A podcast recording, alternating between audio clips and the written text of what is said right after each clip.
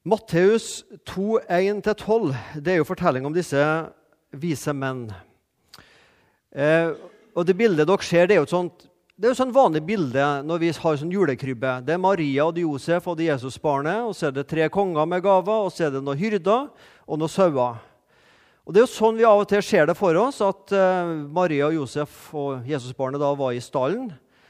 Eh, det står ikke i Bibelen at det var en stall, men det var i hvert fall en eller annen slags hule eller noe de var i, der dyra var, og en krybbe. Og Så gikk det noen minutter etter fødselen, så banka hyrdene på, på døra. Og det forstår de jo for så vidt, for de fikk jo beskjed om at nå var han født.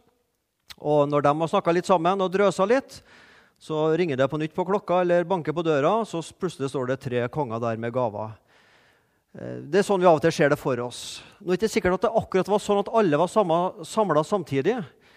Mest sannsynligvis var nok disse vismenn. Eh, de kom ei god stund etterpå. Og Hvis vi leser Lukas-evangeliet og Matteus, der fortellinga om Jesu fødsel står, så, så, står det liksom ikke helt i kronologisk rekkefølge hvordan det der foregikk. Men eh, i dag skal vi lese sammen Matteus sin versjon. Ja, litt lite å lese, men håper du klarer det. Da Jesus var født i Betlehem i Judea, på den tiden Herodes var konge, kom noen vismenn fra Østen til Jerusalem og spurte, 'Hvor er jødenes konge, som nå er født?' 'Vi har sett stjernen hans gå opp, og vi er kommet for å hylle ham.' Da kong Herodes hørte det, ble han svært urolig, og hele Jerusalem med ham. Han kalte sammen alle overprestene og folkets skriftlærde og spurte dem ut om hvor Messias skulle bli født. I Betlehem Judea svarte de, for slik står det skrevet hos profeten Eh, i Mika kapittel 5 vers 1. Du Betlehem i Judaland er slett ikke den ringeste av fyrstene i Juda. For fra deg skal det komme en fyrste som skal være hyrde over for mitt folk Israel. Da kalte Herodes vismennene til seg i all stillhet og spurte dem nøye ut om tiden da stjernen hadde vist seg. Så sendte han dem til Betlehem og sa, dra av sted og forhør dere nøye om barnet. Og når dere har funnet det, så meld fra til meg, for at også jeg kan komme og hylle det. Da de hadde hørt kongens ord, dro de av sted, og se stjernen som, hadde, eh, som de hadde sett gå opp, gikk foran dem inntil den ble stående over stedet der barnet var. Da de så stjernen, ble de fylt av jublende glede. De gikk inn i huset og fikk se barnet hos moren, Maria, og de falt på kne og hyllet ham. Så åpnet de skrinene sine og bar fram gaver til barnet, gull, røkelse og myra. Men i en drøm ble de varslet om at de ikke måtte vende tilbake til Herodes, og de tok en annen vei hjem til sitt land. Herre Jesus Kristus, takk for du ble født. Takk for du var en gave med mening. Takk for uh, du kom for å frelse oss og berge oss og redde oss for å være sammen med Gud for evig. Takk for denne historien. Takk for Matteus tok vare på den og skrev den. Og at vi kan lese den nå 2000 år etterpå og feire den og glede oss over den hver jul. Amen.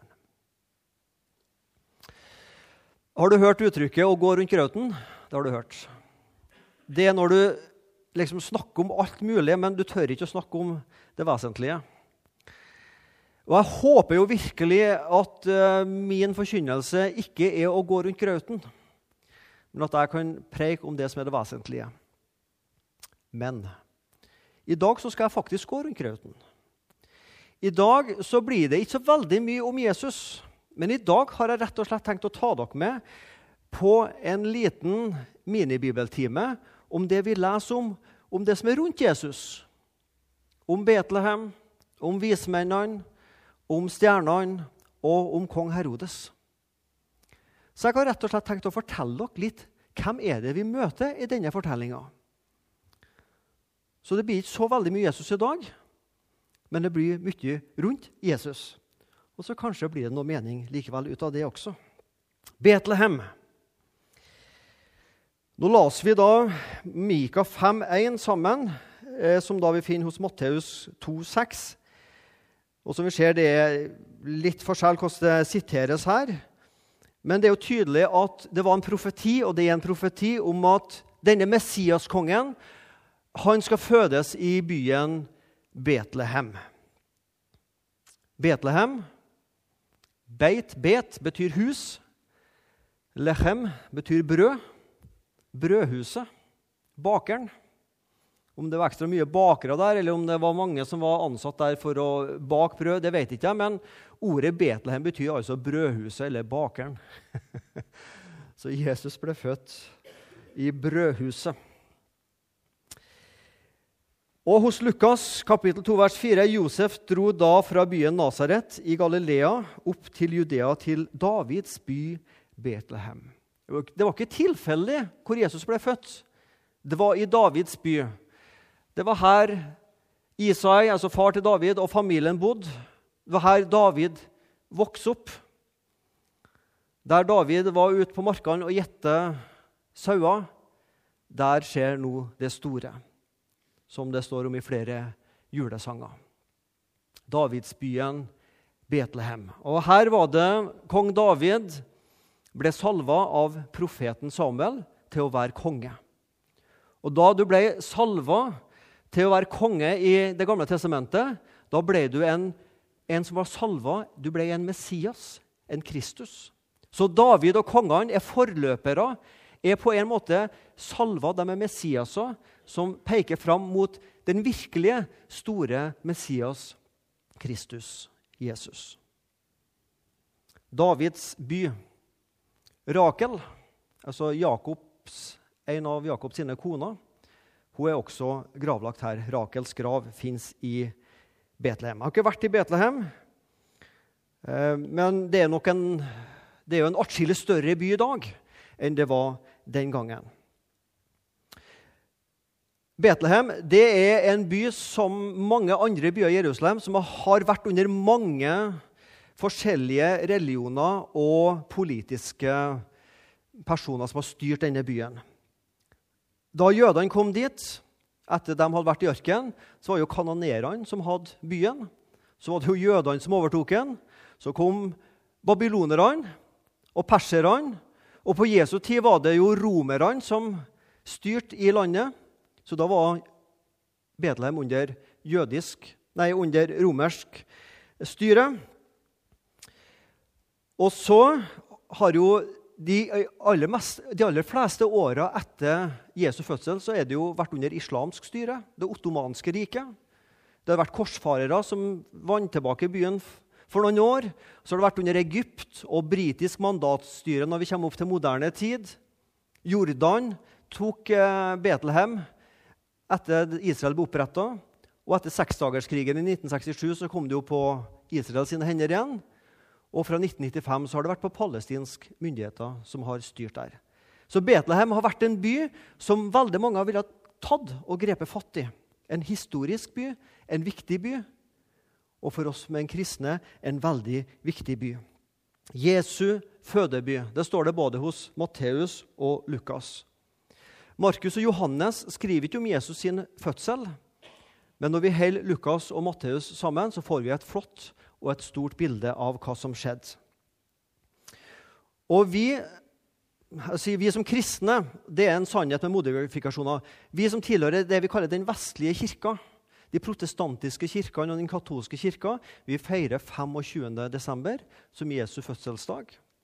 Mens eh, gresk-koptisk og syrisk-ortodoks feirer i morgen, 6. januar. Og armensk-ortodoks feirer 19. Så man er jo ikke helt sikker på dato for Jesu fødsel. Men det har vært en tanke om at profeter de dør når profeter blir drept. Og Jesus ble jo på en måte sett som en profet. Så deres dødsdato er ni måneder etter den datoen de ble født. Så tenker man at Jesus han døde da i påska, eller vi vet han døde i påska, og påska da var liksom slutten av mars. Og da blir da Jesu fødsel i slutten av desember. Og så ble det lagt til 25. desember for vårt vedkommende. Der i denne lille byen Betlehem Det var ingen stor by på Jesus' sin tid. En ubetydelig by.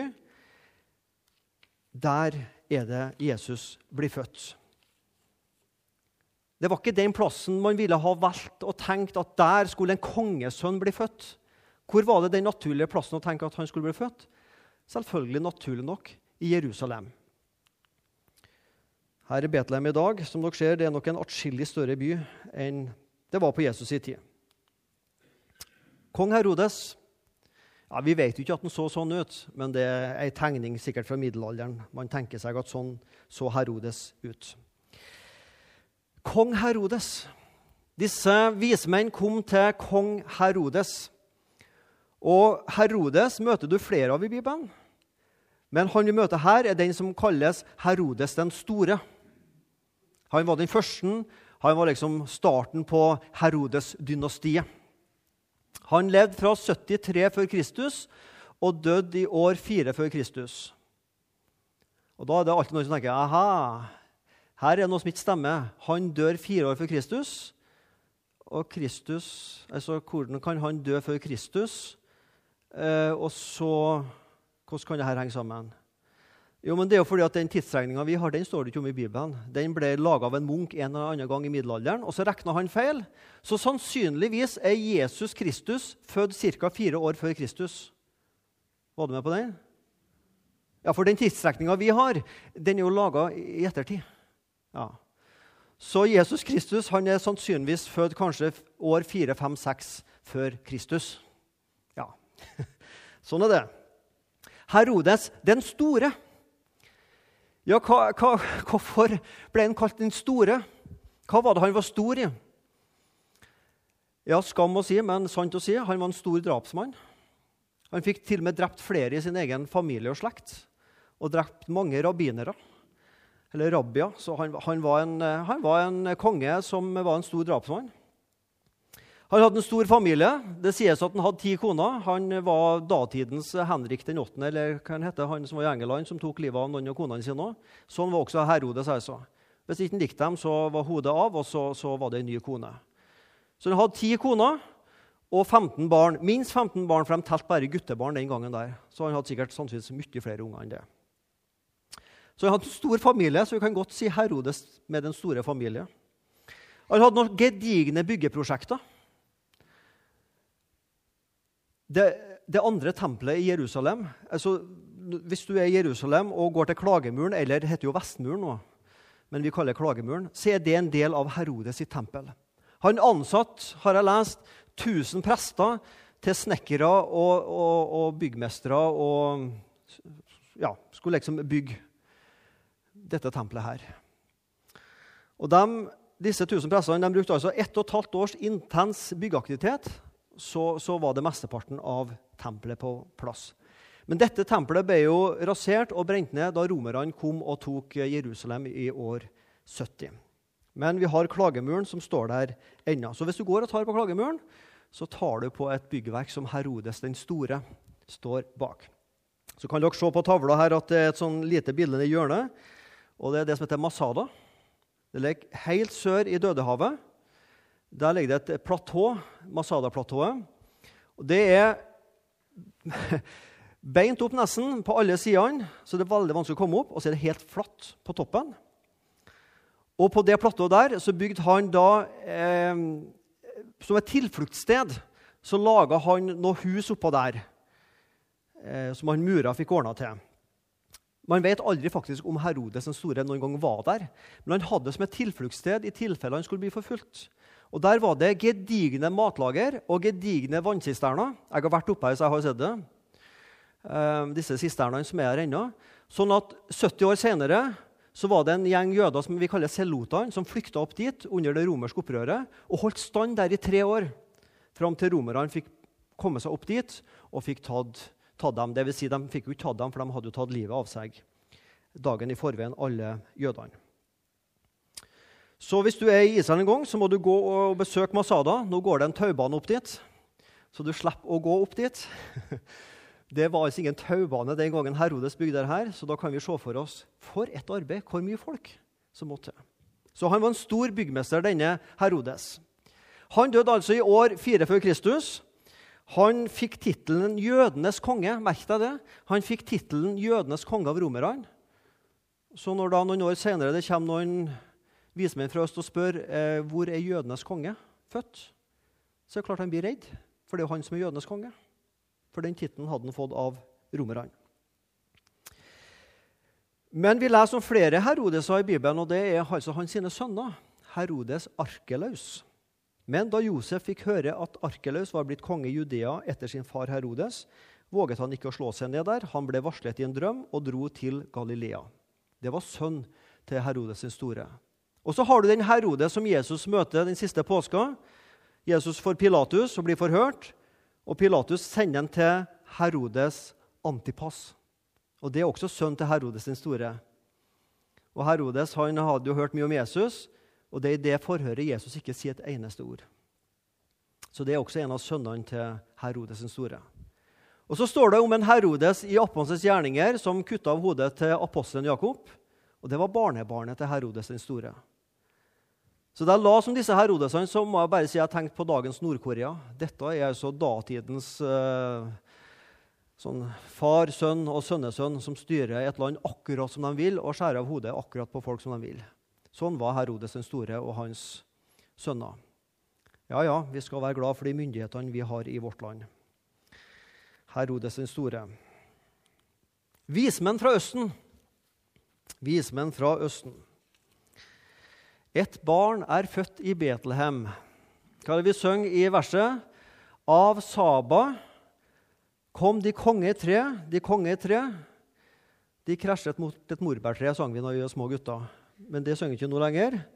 Av Saba kom de konger tre. Gull, røkels, myrra ofret de. Saba det skal visst være en plass i Afrika. Har du lagt merke til i sangboka så står det verset annerledes. Fra Østen kom de vise menn. Gull, røkelse bar de til ham hen. Det er mye rettere. De var neppe fra Saba. Du har hørt om dronningen fra Saba med, med kong eh, eh, Salomo eh, nede i Afrika. Men de var neppe derifra, disse vismenn. Så det er nok ikke helt sånn som det står i 'Et barn er født i Betlehem'. Den vanlige tanken er jo da at det var tre konger og vismenn fra et land i Østen. Det står ingen plass i Bibelen at det var tre. Det står ingen plass i Bibelen at det var konger. Det står heller egentlig ikke at det var vismenn. Selv om det står vismenn i vår bibel, så står det egentlig ikke vismenn. Aha. Hva har det å gjøre? Jo, tallet tre, for å ta det først, det er en sånn kirkelig tradisjon fra 500-700-tallet, der man mente at fordi det var tre gaver, gull, røkelse og myra, så måtte det være tre konger. Og De fikk da navnet ikke som i Kasper Jesper Jonathan i Kardemommeby, men Kaspar, Melkjord og Balthazar. Men det er altså en kirkelig tradisjon som kan være sann, for all del. Det står ikke i Bibelen, men om det er sant, så det motsier ingenting i Bibelen, så det må gjerne være sant. Men disse tre kongene de har en egen dag, og det er altså i morgen. Da er det hellige tre kongers dag. Det er en dag som vi ikke feirer i den protestantiske kirka. Men i mange østlige kirker så feirer man 13. dag jul, 6. januar, de hellige tre kongers dag. Og Det er også en dag som feires til minne om Jesu dåp. Og De gavene de bar fram, det var altså da gull, røkelse og myra. Det står det. Gull, Og så har disse gavene da blitt tillagt forskjellige betydninger. Det står heller ikke i Bibelen hva de betyr, men man tenker seg at gull det er kongegaven. Jesus som konge. Han er jødenes konge, og han er hedningenes konge. Røkelse det brukte prestene i kirkene og tempelet eh, under ofringene. Så Jesus han er en prest. Han er offerpresten som ofrer seg sjøl. Myrra, god lukt, det var da profetgaven. Jesus som profet. Og så sies det at myrra det ble også brukt da man balsamerte lik. Og så skulle det på en måte være en profeti om at Jesus skulle dø. Gull, røkelse og myrra. Og så har det blitt laga mange tradisjoner ut fra det, som i seg sjøl er greie, sjøl om det ikke står i Bibelen, men det står at det var gull, røkelse og myrra. Skal vi ta med to bibelvers fra Gammeltestamentet? Folkeslag skal gå mot ditt lys, konger gå mot din soloppgang. Det står altså ikke i Matteus at det var konger som kom. Men man tolker da, prøver å lese Nytestamentet i lys av Gammeltestamentet. Og så finner man fram sånne ord fra profetene som man tenker ja, det her kan passe. Folkeslag, hedninger, skal gå mot Guds lys. Konger mot din soloppgang der du fødes. Ikke sant? Soloppgang der du fødes. Da må han være konger. Eller Salme 72, 10. Konger fra Tarsis og fjerne kyster skal sende skatt til ham. kongene i Saba og Seba skal komme med gaver. Ja, Så bruker man de versene og tenker at det var konger fra Saba. Det kom noen vismenn fra Østen. Så sa jeg det at det står heller ikke i Bibelen at de var vismenn, sjøl om det står ordet, altså det står at det er vismenn. Men det ordet som brukes for vismenn, egentlig et annet ord, og det er ordet magiker. Magoi. Det er ordet som vi bruker i magiker. Nå trenger ikke vi å tenke på tryllekunstnere som vi tenker på dagens magikere. Men de var altså magikere som kom fra Østerland. Hva i alle verden var dette for slags folk? Igjen, vi kan aldri være 100 sikre, men de som da har forska på det og er litt klokere enn meg, og dem er det jo selvfølgelig en del av, de mener det at dette var trolig magikere fra eh, datidens Perserrike, som i dag, altså Iran, Irak i dag. Vismenn. Der var det en vismann 600 år før Kristus som het Saratostra. Og Fra han så kom det en gammel iransk religion eh, som kalles sorotaismen. Det er nesten sånn språklig C-moment å si det. Så de var soroastriske prester, sannsynligvis. Astrologi, stjernetyding, drømmetyding. Opptatt av å lege syke, okkulte krefter. Altså babylonske stjernetydere. Og I Jeremia 39 så leser vi om når Jerusalem faller ca. år 600 før Kristus. Da kommer kong Nebukaneser med hele sin hær og tar Jerusalem. Og Da står det opplista av noen av disse stormenn som kong Nebukaneser har med seg. Og Der står det bl.a. navnet på en som er en magiker, en uh, magos. Akkurat det samme ordet som vi møter igjen her. Er ikke det rart? Her kommer det altså noen fra en helt annen religion. Langt borte vekk i stedet. Og så er det dem Gud kaller til å komme til Betlehem. Det, det, burde jo vært de jødiske teologene og profetene som skjønte dette her. Og ja da, de skjønte det jo flere hundre år tilbake i tid. Men datidens skriftlærde så ikke hvem som var der. Og så kaller altså Gud noen hedninger fra langt borti Vekkistan, fra en annen religion, til å komme og tilbe Jesus. Snedig. Det forteller meg at Gud ikke bare er stor, men han er fri til å kalle dem han vil og han følger ikke menneskelige tanker. Altså Astrologi advarer seg sterkt mot i Bibelen, spesielt i Gammeltestamentet. Vi skal ikke se på stjernene på himmelen og tenke at fordi stjernene står sånn og sånn, og sånn, så kommer livet mitt til å bli sånn, og, derfor har jeg den personligheten jeg har. Det er jo moderne astrologi og stjernetydning. Det advarer Bibelen imot. Men det er altså det sånne folk Gud kalte til å komme. Og deres vismann Saratostra skal du høre hva han skrev? Hør, jeg skal åpenbare dere det forunderlige mysteriet om den store kongen som skal komme til verden. Ved tidenes fullendelse blir et barn unnfanget og dannet i en jomfrus skjød uten at hun har vært sammen med noen mann. Og Hvis du og jeg ikke visste at det var denne vismannen Saratustra borti Babylonriket som sa det, så ville vi tenkt det var kanskje fra Gammeltestamentet. Men dette sa altså denne vismannen 600 år før Kristus. Om han har fått det fra Gud eller ikke, det kan ikke jeg svare på. Men det er jo interessant at langt borte i Vekkestan så kaller Gud noen til å komme. De ser stjerner, de tenker at et kongebarn er født. De drar til Jerusalem, da, naturlig nok til Herodes den store, for man tenker jo at der blir jo kongebarnet født. Så ledes de av stjernen til stallen. Bøyer kne, tilbør og gir Jesusbarnet gaver. Og I en drøm så advares de mot kong Herodes og tar en annen vei hjem. Og Det de møter, er jo denne Betlehemstjernen. Hva i alle dager er det for noe? For disse magikerne fra Østerland så var ei stjerne tegn på at en konge var født, når en ny stjerne tentes. Hva var det de så for noe? Hva var det de så på himmelen? Hvis vi går en kommer oss ut av byen en kveld og der det ikke er mye lys rundt oss, og ser nattehimmelen, ser vi Betlehemstjerna da? noen plass? Nei, vi gjør jo ikke hva, hva var det de så? Her skal du få noen forslag hva folk mente de har sett. Noen tenker seg at det var en lysende planet, noen tenker det var et stjerneskudd. Noen har foreslått at det var kometen Halley. som passerte jorda i 11 før Kristus. Den kommer jo med regler, sånn, Av og til med en del tiårs mellomrom så kommer kometen Halley forbi jorda igjen. Den var her for en sju-åtte år siden. Noen tenker at det var et lysfenomen knytta til planeten Jupiter som oppstår hvert 60. år. og Det skjedde altså i april 6 før Kristus. Mulig. Noen har tenkt seg at det var i en galakse som heter Andromedia. Ikke spør meg mer om den, men jeg har bare lest dette her. Så var det altså en stjerne som eksploderte. og Da kalles det supernova. Og Da blir det et sånn voldsomt lysglimt, som da kunne være denne planeten. Men det de fleste tenker, det er at det var planeten Jupiter og Saturn som kom nær hverandre. Det vil si, de kommer ikke nær hverandre, men sett fra jorda så ser det ut som de er nær hverandre. Og Når de kommer i en viss posisjon, så oppstår det et veldig sterkt lys mellom disse to planetene, Saturn og Jupiter. Og Astronomen Johannes Kepler i 1604 regna ut at denne sammenstillinga av Jupiter og Saturn det skjedde tre ganger i år 7 før Kristus. Det året for skatteinnskrivninga under keiser Augustus.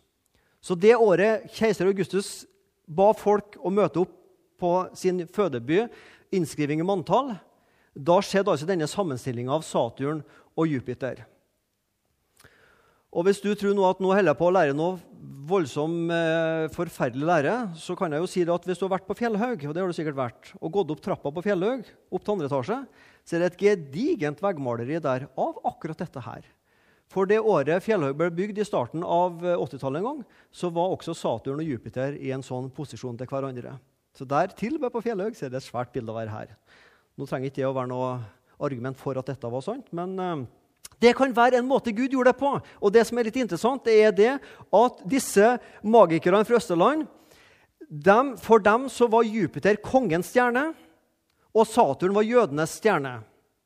Så når kongens stjerne og jødenes stjerne møtes, da må det være en kongesønn som er født. For en ny stjerne er en kongesønn. Så Derfor dro de jo til jødeland. De kunne jo dra til Egypt, de kunne jo dra til Jordan, de kunne dra til Syria. De dro til jødeland. Tilfeldig? Jeg tror ikke det. Så jeg tror dette kan være en, at det er det som var Betlehemstjerna. Saturn og Jupiter i en spesiell sammenstilling. Gud kan godt ha tent ei stjerne på himmelen der og da som han har sløkt igjen. Gud er suveren til det, har ingen problem med å tro det. Men Gud kan også bruke vanlige naturfenomen. Vi leser Gammeltestamentet i lys av Jesus-hendelsen i Nytestamentet. Og Da får en del gammeltestamentlige ord ny betydning. Jeg ser ham, men ikke nå. Jeg skuer ham, men ikke nær. En stjerne stiger opp fra Jakob. En kongstav løfter seg fra Israel. Han skal knuse Moabs tinninger og skallen på alle sønner av Sett. Det var et snedig ord. Har du hørt om Bilam, han på eselet? Det er ikke så ofte det står om esel i Bibelen, men når det står om esel, så skal vi legge merke til det. Jesus ble båret fram av et esel. Og denne avgudsprofeten Bilam, som skulle forbanne Israel, altså kongen Balak, hadde leid inn denne personen for å forbanne Israel. Og så tar eselet og begynner å snakke til Bilam og irettesette ham. Og så er det altså Bilam, som da egentlig er en avgudsprofet, som rett og slett Gud legger sine ord i. Jeg ser ham, men ikke nå. Jeg skuer ham, men ikke nær. En stjerne stiger opp fra Jakob. Abraham, Isak, Jakob, Juda Jesus. I Jakobs etterlinje til Juda og til Jesus. Snedig. Astrologer, magikere fra en annen religion. Bilam, en augustprofet. Og så er Gud der og kaller dem. Det ble nesten misjoner her på en litt annen måte.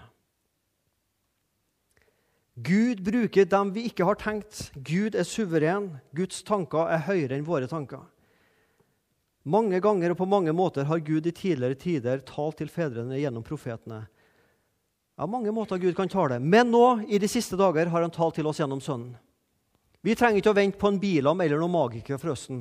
Nå har Gud talt til oss gjennom Sønnen, gjennom sitt ord.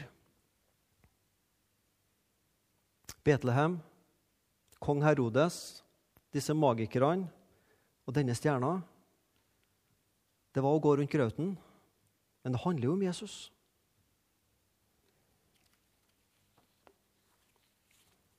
og så et lite sprang. Det er nyttår. Og jeg tenker med meg sjøl at jeg må, noen, jeg må, si noe om et nytt år og tanker om et nytt år. Um, så bladde jeg fram en, noe jeg skrev, en nyttårstanke som jeg skrev faktisk for en seks-sju år siden til Menighetsbladet i Egersund. Jeg har rett og slett tenkt jeg skal avslutte denne talen med å lese opp de nyttårstankene.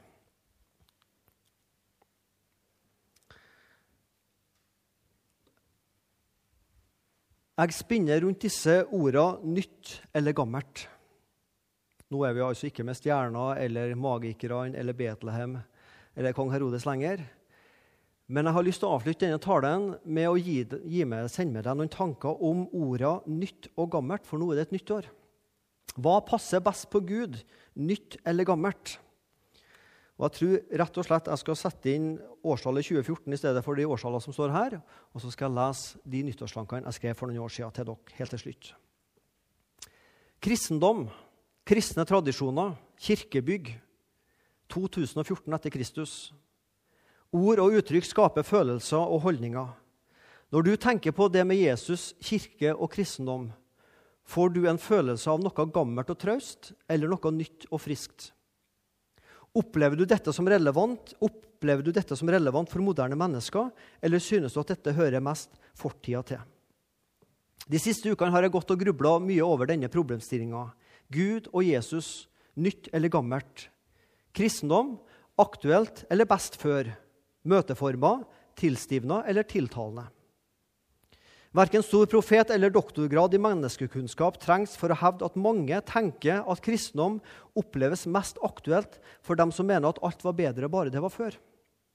Ungdom tenker at troa hører de eldre til, og mange eldre tenker at de unge skulle ha skjønt verdien av kristne tradisjoner arva fra fedrene. Så spørsmålet har gnaga i hodet den siste tida. Hva passer best på Gud, nytt eller gammelt? Så jeg tok for meg bibelordboka, leste gjennom alle bibelversene som hadde ordene 'gammelt' eller 'nytt' i seg. Bruker Bibelen ordene 'gammel' og 'ny' på en positiv eller negativ måte? Er Bibelen opptatt av å ta vare på det gamle, eller passer det nye bedre på Gud? Det var spørsmålene jeg ville finne svar på. Sett gjerne av en time, og du vil finne et ganske entydig svar. Svaret er at nytt passer bedre på Gud enn gammelt. I Det nye testamentet finner du knapt ordet 'gammel' brukt på en positiv måte. Og ordet 'nytt' brukes med et par unntak utelukkende positivt i hele Bibelen. Bibelen taler om en ny fødsel, en ny sang, en ny pakt, ny kraft, ny ånd, en ny vind, et nytt liv, det nye mennesket, en ny himmel og en ny jord. Den som er i Kristus, er en ny skapning. Det gamle er borte, se, alt er blitt nytt. Men Bibelen det er jo ei gammel bok, og du er vel ikke ute etter å forandre budskapet? Nei. Noe står fast. Vi har en uforanderlig og kanonisert bibel, et evig og uforgjengelig evangelium og en forutsigbar og trofast Gud. Jeg ønsker ikke en moderne kristendom i betydning av politisk korrekte, avrunda seksualmoral eller kardemommelov-evangelium. Bibel, dåp, nattvær og Guds hellighet står fast. Vil Kirka være ny på denne måten, så opphører vi å være Jesu Kristi kirke og blir i stedet et statlig religionsvesen og et moralsk forandringsalibi. Det jeg derimot ønsker meg, er et kristenliv som ikke har som mål å være tro mot tradisjonene fra fedrene og tro mot 'slik har vi alltid gjort det', men derimot tro mot det radikale trosliv vi kan lese om blant de første kristne, bl.a. i apostelgjerningene kapittel 2 mer av dette, og vi vil få en kristentro som, min, som oppleves som relevant for mennesker i 2014. Dette er noe for meg, og ikke bare for bestemora mi. Min hodepine er når ordet 'ny' brukes så positivt i Bibelen, hvorfor oppfatter da så mange bekjennende kristne ordet 'nytt' som negativt? Og hvorfor forbinder så mange mennesker kristentroa med ord som 'gammel' og 'umoderne'? Plassen her tillater ikke et utfyllende svar, og jeg vet heller ikke om jeg kan gi det. Men problemstillinga bør uroe de blant oss som kaller oss Jesu venner og bibeltroende. Vi skal fortsatt gå på de gamle stiene, som det står om Jeremia 6,16. Men det må være lov å skifte sko, altså arbeidsmåter. Ikke bare lov, men også nødvendig. Hvis ikke så sitter tradisjonen så sterkt at vi fortsetter med de samme arbeidsformene selv om de ikke har fungert de 30 siste åra. Nei, levende og voksne kirker i 2014 vil være de som holder fast på Bibelen og samtidig ikke lever etter teksten på melkekartongen 'best før'. Så mitt nyttårsønske for kirka og bedehus og for Misjonssalen Sandnes blir derfor konservativ i teologi, liberal i arbeidsform og radikal i Kristus-etterfølgelse. Og personlig må jeg si det siste er det mest utfordrende. Herre Jesus Kristus, jeg vil leve hver dag med deg. Jeg vil ta med meg det beste Jesus jeg har fått, og ta vare på det.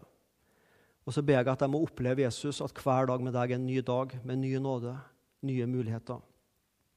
Et nytt liv med deg som er rotfesta i den samme Bibel, i den samme Guds hellighet, i den samme troa som vi har fått overlevert. Amen.